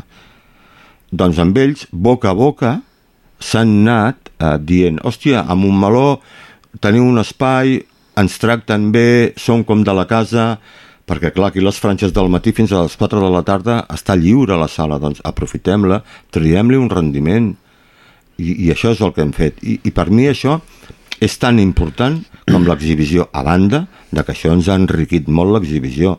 Jo recordo espectacles de primera fila, entre els quals, sobretot, dirigits pel Martí Torres, que els hem tingut aquí. Aquí durant molts dies reiem molt perquè la gent al·lucinava perquè cada dia veia baixar de l'estació de tren pues, actors com l'Àlex Casanovas, el Moner i companyia, i a les 6 de la tarda es veien agafar el tren una altra vegada l'andana cap a Barcelona. Pues, estaven assajant a la sala polivalent, és que a més teníem el tren. I com que molts actors viuen a Barcelona, ho tenen a 22 minuts. O dinar a Can Serra al costat del McLaren. Sí, dinar a Can Serra al costat del McLaren, perfecte. Vull dir que, que tenia agafats a, amistats, vull dir que no... Penso que ha sigut un encert i també en aquí dono les gràcies a l'alcalde i als regidors i regidores per haver comprat aquest projecte perquè sigui administrativament això costa. Ara ho fèiem legalment, és que anàvem un conveni. Vull dir que no, les coses no es fan perquè sí. Encara hem de parlar d'un aspecte més de, de la cultura en Montmeló, que és el FitCamp. Ah, ostres, molt bé. No diré res més. A partir d'aquí, bueno, sí, diré que sí, ja s'han fet 10 edicions, que aquesta decena va ser la primera amb la qual tu ja no vas estar no. de forma activa dins de l'organització, però durant totes les restants, les nou restants, el vas veure néixer, créixer i, i ara consolidar-se. Sí. Mira, i en aquí eh, torno a fer com abans. Com que de ben parit ser agraït, eh, aquí mm, haig d'esmentar el nom del Joan Sors, en primer lloc, perquè és ell el que em ve trobar a mi per oferir-me. Mira, hi ha un moment determinat que a Catalunya hi ha dues companyies d'associacions professionals de teatre familiar. La TTP i la que comenci. Són dues, és com si hi hagués dos, dos, dos, sindicats, perquè ens entenguem. Uh, un és molt més potent que l'altre, té més força, té més pressió i un logra, la TTP, aconseguir anar a les fires i festivals de Catalunya i els de que comenci pues, no, no ho aconsegueixen. I en Joan, que en forma part d'aquesta companyia, ve i em proposa i em diu, escolta'm, tu què et sembla un meló vinguéssim els de l'associació i féssim un cap de setmana d'espectacles i els mostréssim i convidéssim a programadors a venir. Jo el trobo collonut, ho trobo un encert, uh, anem a parlar amb l'alcalde amb la, i amb la regidora de Cama Palacios i ens ho compren al moment. I a partir d'aquí és quan neix el FitCamp. És a dir, el FitCamp neix iniciat per l'associació de companyies de teatre sota el nom de Que Comenci. Amb el pas del temps, Que Comenci, en el, quan fa la setena o vuitena edició, Que Comenci eh, tendeix a desaparèixer i es fusiona amb la TTP, a l'Associació de Teatre per tots els públics. I és quan l'Ajuntament de Montmeló ens plantegem de dir eh, entomem nosaltres el FitCamp sols com a organitzadors, li busquem una bona direcció artística externa i tot això, i és quan ho fem. Els primers director va ser l'Agustí Coll, eh, tota la producció era càrrec de nostra, cal fer esment que teníem eh, equip de producció extern, de, que, que s'incorporen per treballar en el festival i fins aquí hem arribat a la desena edició amb la direcció encertada i meravellosa d'aquestes dues dones de la Marta Martí i de la Montse Oms vull dir que penso que ho han encertat. O sigui, a FitCamp té futur per davant a Montmeló. Sí, perquè té mercat Mira, la mostra d'Igualada per nois i noies d'Igualada que és la mostra de referència a, a Catalunya del teatre familiar eh, no pot eh, encabir. encabir i donar menjar a totes les companyies. Per tant, sempre has de deixar algú fora i algú que t'agrada. Per tant, nosaltres, jo no em vull col·locar en cap lloc. Jo l'únic que vull fer és, en plan, en, amb el FICA em vaig plantejar el mateix plantejament que vaig fer amb la mostra d'Igualada i amb la Fira de Manresa, que fos útil i aprofitable. I penso que amb aquests dues eh, i que tingui qualitat el que es mostri i amb aquests tres paràmetres hem treballat en aquests tres llocs i el FitCamp s'ha fet útil i aprofitable. La gent de Montmeló eh, el sap, el coneix, l'espera, els programadors el saben, el coneixen i enguany doncs, bueno, ja comença a tenir eh, una, una trajectòria i un pedigrí i un lloc on a més a més de tenir espectadors a la platea per ensenyar espectacles per la gent de la comarca, del poble, d'on sigui que el vinguin a veure, també se't deixeuen programadores que venen per veure si els programen o no en les seves programacions. Bé, Pere, podríem acabar l'entrevista aquí, però mm, després d'haver parlat de tot el teu, tota la teva vessant professional, jo crec que ara ve el, el motiu veritable d'aquesta entrevista o d'aquesta xerrada entre amics. Fa poc, eh, més o menys un mes o mes i mig, o dos, no sé si no m'equivoco, et, et vas jubilar. Vas deixar el càrrec de l'Ajuntament i ara tens dues grans pressions. Una és tenir cura de la Lola i la Candela, sí. que són les teves netes, i l'altra és un or que cultives com si fos la teva vida. Explica'ns una mica aquestes dues passions com les portes. Home, la Lola i la Candela, eh, bé, tenen dos mesos, el van fer fa dos dies, el dia 25, Mm, és, et sents molt ple, et sents molt... T'expliquen que s'hi ha vist meravellós, però fins que no ho vius no, no ho experimentes. Espero créixer amb elles i li dono infinites gràcies a la Maria i al Sergi per haver-me donat la possibilitat d'experimentar de, de, això de ser avi i que les pugui veure créixer durant molts anys i que elles creixin i siguin molt felices i siguin el que vulguin ser.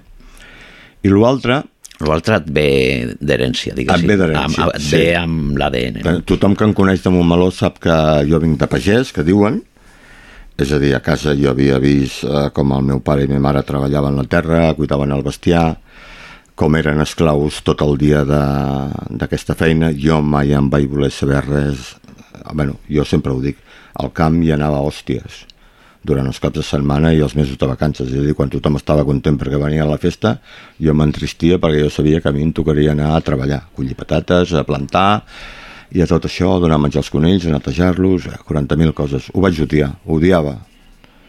I de cop i volta, eh, no em vull saber res d'aquest món, mm, ja t'he explicat tota la meva vida per on t'ha anat fins ara, eh, jo a casa parava el mínim, eh, tot i que veia el gran esforç de, i l'esclavisme al que van estar sotmesos els meus pares i els meus avis, i quan mor la meva mare, el 8 de juliol del 2018, mmm, penso que tinc un deute amb algú, amb ella, amb el meu pare, amb els meus avis, i em dona al cap de tres dies per anar a comprar quatre gallines, arreglo un corral de gallines que encara quedava a casa, i les poso, i hòstia, i, i en el jardí de casa començo a plantar. Per sort viu eh, el meu tiet, encara, el germà de la meva mare, el tiet Ramon de Montornès, que per mi és el meu ioda, que és el que m'ensenya, i quan em ve veure l'hort que tinc plantat a casa, en el jardí, bueno, em diu de tot menys bonic perquè em comença a parlar de certs conceptes que jo no tenia entesos, com és, per exemple, el sol. I, i el sol és un element que si no hi és la planta no creix. I em va dir que ja ho podia arrencar perquè en allà no, no aniria bé. No aniria bé. Llavors, redescobreixo que a casa encara tenim un tros de camp bastant gran, eh, al costat de l'autopista, per, per sota de Can Sal, al costat de Can Puigjosa, i en allà pues, començo a crear un nou projecte de vida, que això ho faig conjuntament amb la meva parella actual, amb la Maria del Mar, a qui li estaré agraït sempre per aquesta complicitat que ha tingut amb mi en venir, i un tros erm, vull dir que era tot pedra perquè allà hi havia hagut caravanes, hi havia hagut de tot i no ens en havíem sortit mai, a poc a poc ho hem anat mm, transformant fins a fer-ho un terreny fèrtil. I això gràcies al, a l'ensenyament i a l'acompanyament del, del tiet Ramon de Montornès, que és, que és el que em diu què s'ha de plantar, com no s'ha de plantar, què s'ha... I en aquí jo hi trobo un paral·lelisme molt, molt, molt semblant al món de l'espectacle. És potser per això que també hi tinc passió i satisfacció. Perquè, així és com abans et deia que si un espectacle no té un guió, no té una idea força, si no hi ha una bona terra, mm, ja pots plantar el que sigui que no, que no et creixerà. Hi ha un procés de creació de l'espectacle, en el canvi hi ha un procés de creixement i de tenir cura del que creixes i d'anar-te meravellant de que tu plantes una mongeta, que és una mongeta allò que et menges, i que la mongeta se t'acaba fent gran i que l'has d'encanyar i que la mongeta es converteix en vaines i a dintre les vaines és on hi ha les mongetes. O que plantes un tros de patata, un trosset petit de patata, i aquell trosset petit de patata és capaç de donar-te dos quilos de patates i quan tu l'arranques per créixer, per treure-la, quan la treus, resulta que aquell trosset petit de patata que has plantat en el, a, a sota hi és, encara hi és, però s'han s'han- han nascut patates al costat. Això és al·lucinant. Per mi és al·lucinant. És un nou món. Vull dir, descobreixo un nou món que no deixa de ser també un món de creació i un món de dificultats perquè bueno, sóc un amant del temps, perquè ara has estat tot el dia mirant el temps, en allà doncs, bueno, no crec que hi perdi les hores, sinó que les hi guanyo, he canviat un estil de vida, vull dir, he no, hem canviat un estil de vida, amb un estil de vida molt saludable de feina i també de menjar, perquè ens alimentem del que, del que conreem, no tot, però molta cosa. Tinc el vici de plantar molta cosa, eh, don a molts coneguts, no venc res, i tot el sobrant de menjar que assoleixo el porto a un menjador social de Granollers, que és el Xipre per, per mitjà d'una noia d'aquí de Montmeló que sé que és voluntària i hi treballa. I a més a més, El camp també m'ha anat bé, perquè fer de pagès, perquè et dona una dinàmica, et dona una rutina.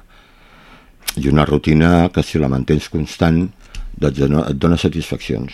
Però una cosa, una cosa és treballar al camp com ho feia el meu pare per obligació, que allà s'hi jugava la vida, és a dir, si una anyada de patates anava malament o entrava una vaca i es posava malalta i s'havia de sacrificar, eren molts calés perduts, i jo que ho faig per devoció, si un any no plou com aquest any d'aigua hem anat malament i no collim tantes patates, pues, no passa res. Has collit alguna síndria aquest any? Encara no. Estan a punt de... Està fotuda la cosa, eh? Amb les síndries i els melons? Sí, perquè al no haver-hi aigua, i a més a més jo encara ho tinc més fotut perquè eh, en l'hort vaig descobrir que hi comença a haver de tot. Hi ha conills, hi ha rates, Ah, eh, hi ha de tot, i hòstia, llavors has de començar a defensar el teu, però també tenir-los en compte amb ells perquè és el seu mitjà natural i bé, te les has d'ingeniar i si vas a l'hort, doncs eh, moltes vegades molts trossos semblen camps de concentració que per entrar-hi has de saltar quatre tanques perquè no se'n mengin les mongetes del ganxet i en puguin créixer. És una lluita de supervivència. A, a vegades sí, però clar, també, també entenc que el conill busqui clar. el seu menjar. Vull dir, jo no el mataré, però bé, jo faré el possible perquè el conill no entri per, per sort, com que ho tinc tancat per fora ballat, i per l'altre costat tinc la tanca de l'autopista, eh, no hi tinc porc senglars, que per exemple el meu tiet, on té la finca, els terrenys, allà el porc senglar li, li arrabassen tot. I el gran somni l'he complert, que jo penso que aquest sí que ve un deute de petit. Jo era petit, eh, els que m'escoltareu eh, sabreu que abans no passava l'autopista per Montmeló, i si ens situem, eh, del turó del Pau Casals al cementiri tot era una muntanyeta. Quan va venir l'autopista la va obrir. Doncs allà l'avi i el pare tenien una vinya, una vinya molt gran. On jo recordo haver anat a collir el raïm i a casa trepitjar-lo i fer-ne. Jo era petit, eh? Per una cosa és ficar-te dintre la bota del raïm i xafar, que això hauria ser l'hòstia, però collir-lo amb aquestes calors no, no, no m'ho vull ni imaginar.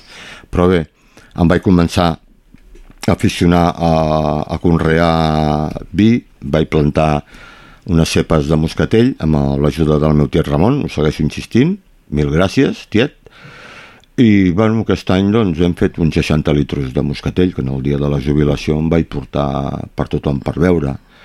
I ara fa dos anys vaig plantar 90 ceps de garnatxa, que espero d'aquí dos anys poder conrear, bueno, tenir vi per consum propi i regalar-ne... Denominació, denominació d'origen AP7. Sí, o sigui... així, això m'ho vas dir tu, ho diré plenament, em vas dir, per què no li poses AP7? Mira, doncs a tothom que els hi he dit els hi ha fet molta gràcia. Bueno, és que la situació de l'or és curiosa. Sí, sí, perquè tinc al costat l'autopista, que arriba un moment que no, que no te n'adones. Bé, és un altre... Bueno, és un projecte de vida i, i ja està. Mira, jo recordo una frase que a mi sempre, i quan els tenia l'Ajuntament a gent i a tot arreu, eh, els deia, recordo una frase de meva àvia que em deia, ah, mira, en té encara es manté, i en vols es va morir de gana. I aquesta frase, si l'analitzes profundament, eh, en vols es va morir de gana i en té encara es manté, és una mica aplicable a tot el que puguem fer nosaltres al llarg de cada dia de, de la nostra vida. No és dir allò de dir, vols? No, no, té. Que és, que és, que és molt diferent l'actitud. I aquesta frase m'ha deixat molt, molt... em va deixar petja amb, amb d'allò. I penso que d'aquesta manera, fent això, doncs, bueno, jo m'ho passo bé, mm, he trobat un lloc on, ta, on d'allò, on passar el dol, evidentment, de, de la jubilació, de no estar en actiu en primera línia, però jo en aquí m'ho passo i estic feliç, estic satisfet, que és el que jo procuro cada dia. Doncs amb això ens quedem, Pere. Eh, jo tenia preparat aquí un test, però com que la cosa s'ha allargat massa, ho deixarem aquí, i més eh, després d'aquesta frase tan sentenciadora i tan maca. Moltes gràcies i ens continuem veient. Gràcies a vosaltres. Tornaria a omplir de vibes el cor Em tornaria posant una gàbia d'or que patim patant per tu i per mi Aquesta vida ens ha tocat així. I que si es posa a ploure em mullaré que Tornaria a equivocar-me, ho sé. Que si sento la pressió posaré una viga Les roses són boniques però tenen espines. Sí, tornaria per aquí, tornaria a passar Tornaria per fi, tornaria demà Tornaria a entrebancar-me. No tinguis por d'equivocar-te Que les cicatrius només et marquen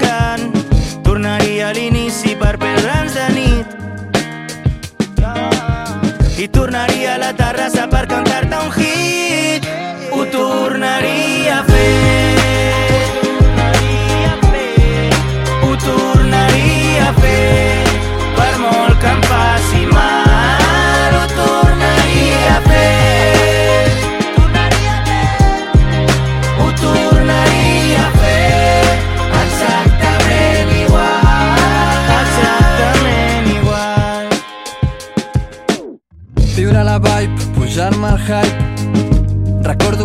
des de llavors Tothom em diu que et passa rai És que la vida em va molt millor que mai. Si pogués canviar les coses que m'han portat aquí Triaria tornar petit, tornar a morir. Per cantar tu i jo fins que s'acabi la nit. Tornaria a perdre-ho tot per poder acabar aquí. Què més vols de mi? Si ja no em queda res M'he quedat buit esperant el puto 2023 Tres tiros a l'ego lluitant amb l'apego La indústria un metgero De la meva presó al màxim carcelero. I m'és igual on anem si estem els tres Tot estarà bé. I no tingueu cap dubte de que ho tornaria a fer. Ho tornaria a fer Per molt que em faci mal. Ho tornaria a fer. Ho tornaria a fer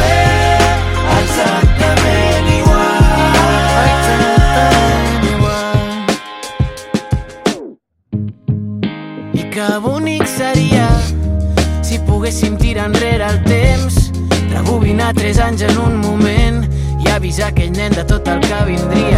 Estaràs a tot arreu però seràs invisible, basculant en mil muts a la vegada amb la ratllada de borrar-se el Twitter i pirar de Barna i l'alegria de trobar junts aquell estribillo increïble. Van fitxar per Sony, van pirar de Sony. Joder, 30.000 persones i un timó jo que em pensava que la música era el cor i no en royalties i en contractes i en... Oh no! I hi han hagut mil dies de merda. I sé que no ha sortit tot bé però si poguéssim tornar enrere sé que ho tornaria a fer. Ho tornaria a fer per molt que em faci mal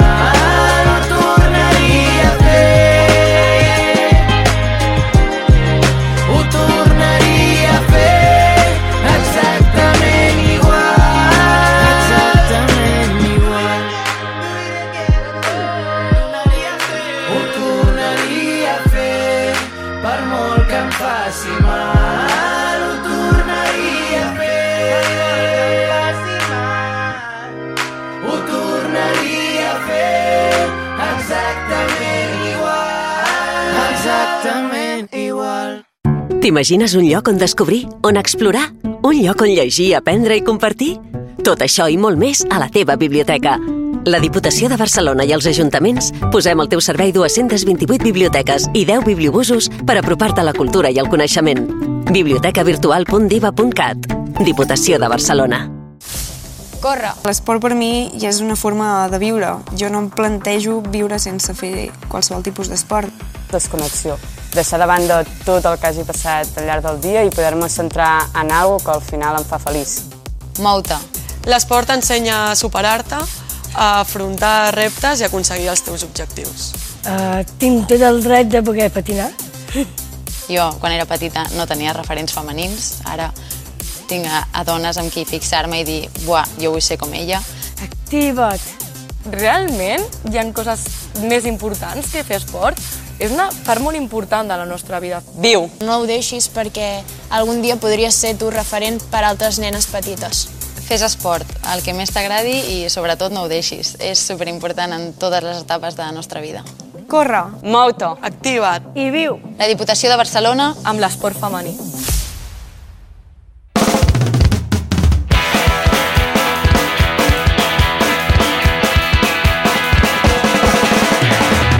I ara sí, ja hem acabat el programa d'avui i com que ja estem acabant la temporada, només tenim un programa a destacar abans que la ràdio marxi per vacances. Aquest diumenge 30 tenim l'últim programa de la temporada de Ràdio Montmeló i es tracta d'un crossover entre un vermut con i el programa que esteu sentint, el Montmeló Sona. L'Àlex Atanes i el Bruno Cáceres entrevistaran i xerraran amb l'equip de comunicació de l'Ajuntament i de redacció del Montmeló Sona. No us ho perdeu, aquest diumenge 30 a les 12 del migdia. I amb tot això marxem, però com ja és costum, us volem recordar que podeu contactar directament amb l'emissora si teniu qualsevol idea, suggeriment o opinió, mitjançant el nostre correu radiomo.momolo.cat o a través del telèfon i WhatsApp 637 150 702. I ara sí, ja ha arribat el moment de fer les maletes. Que passeu molt bon cap de setmana i molt bones vacances a tothom que en tingui. I sabeu que això no és un adeu, sinó un fins després, perquè tornarem amb més contingut que mai al proper curs. Montmeló tornarà a sonar divendres 1 de setembre de 2023 a les 12 del migdia. A reveure i gràcies per escoltar-nos.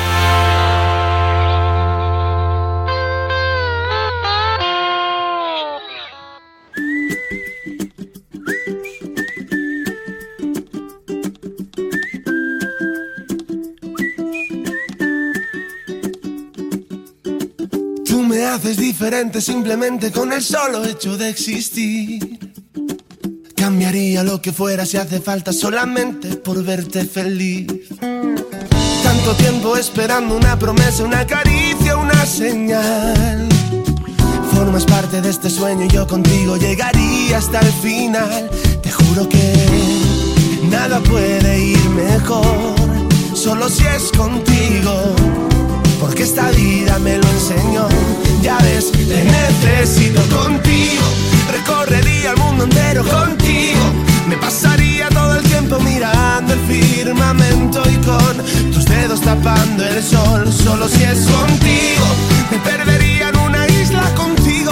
Caminaría de tu mano y ahora que te tengo al lado, me siento mucho mejor. Debería estar prohibida tu mirada y tu forma de caminar. Has logrado que mi cuerpo y mi mente ahora vayan al mismo compás. Ya no existe en este mundo la manera para separarme de ti. Todo es bueno y es perfecto, claro, si te quedas junto a mí. Te juro que nada puede ir mejor, solo si es contigo porque esta vida me lo enseñó. Ya ves, te necesito contigo, recorrería el mundo entero contigo. Me pasaría todo el tiempo mirando el firmamento y con tus dedos tapando el sol. Solo si es contigo, me perdería en una isla contigo. Caminaría de tu mano y ahora que te tengo al lado, me siento mucho mejor. Solo si es contigo.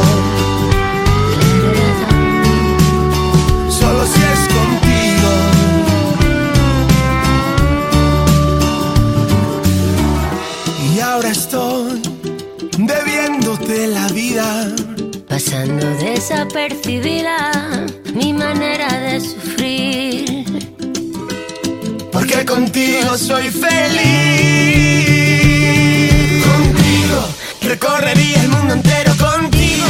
Me pasaría todo el tiempo mirando el firmamento y con tus dedos tapando el sol. Solo si es contigo, me perdería en una isla contigo. Caminaría de tu mano y ahora que te tengo al lado, me siento mucho mejor. Contigo, recorrería el mundo entero contigo. Me pasaría todo el tiempo mirando el firmamento y con tus dedos tapando el sol. Solo si es contigo, me perdería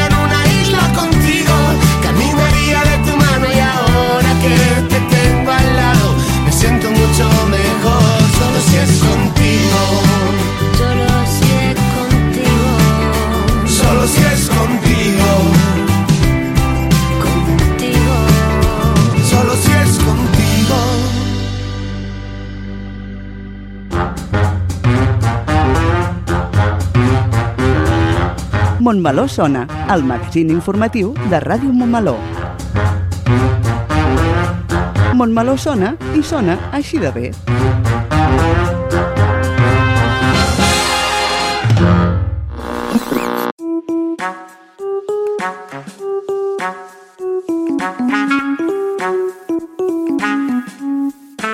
Ràdio Montmeló. Ràdio Montmeló.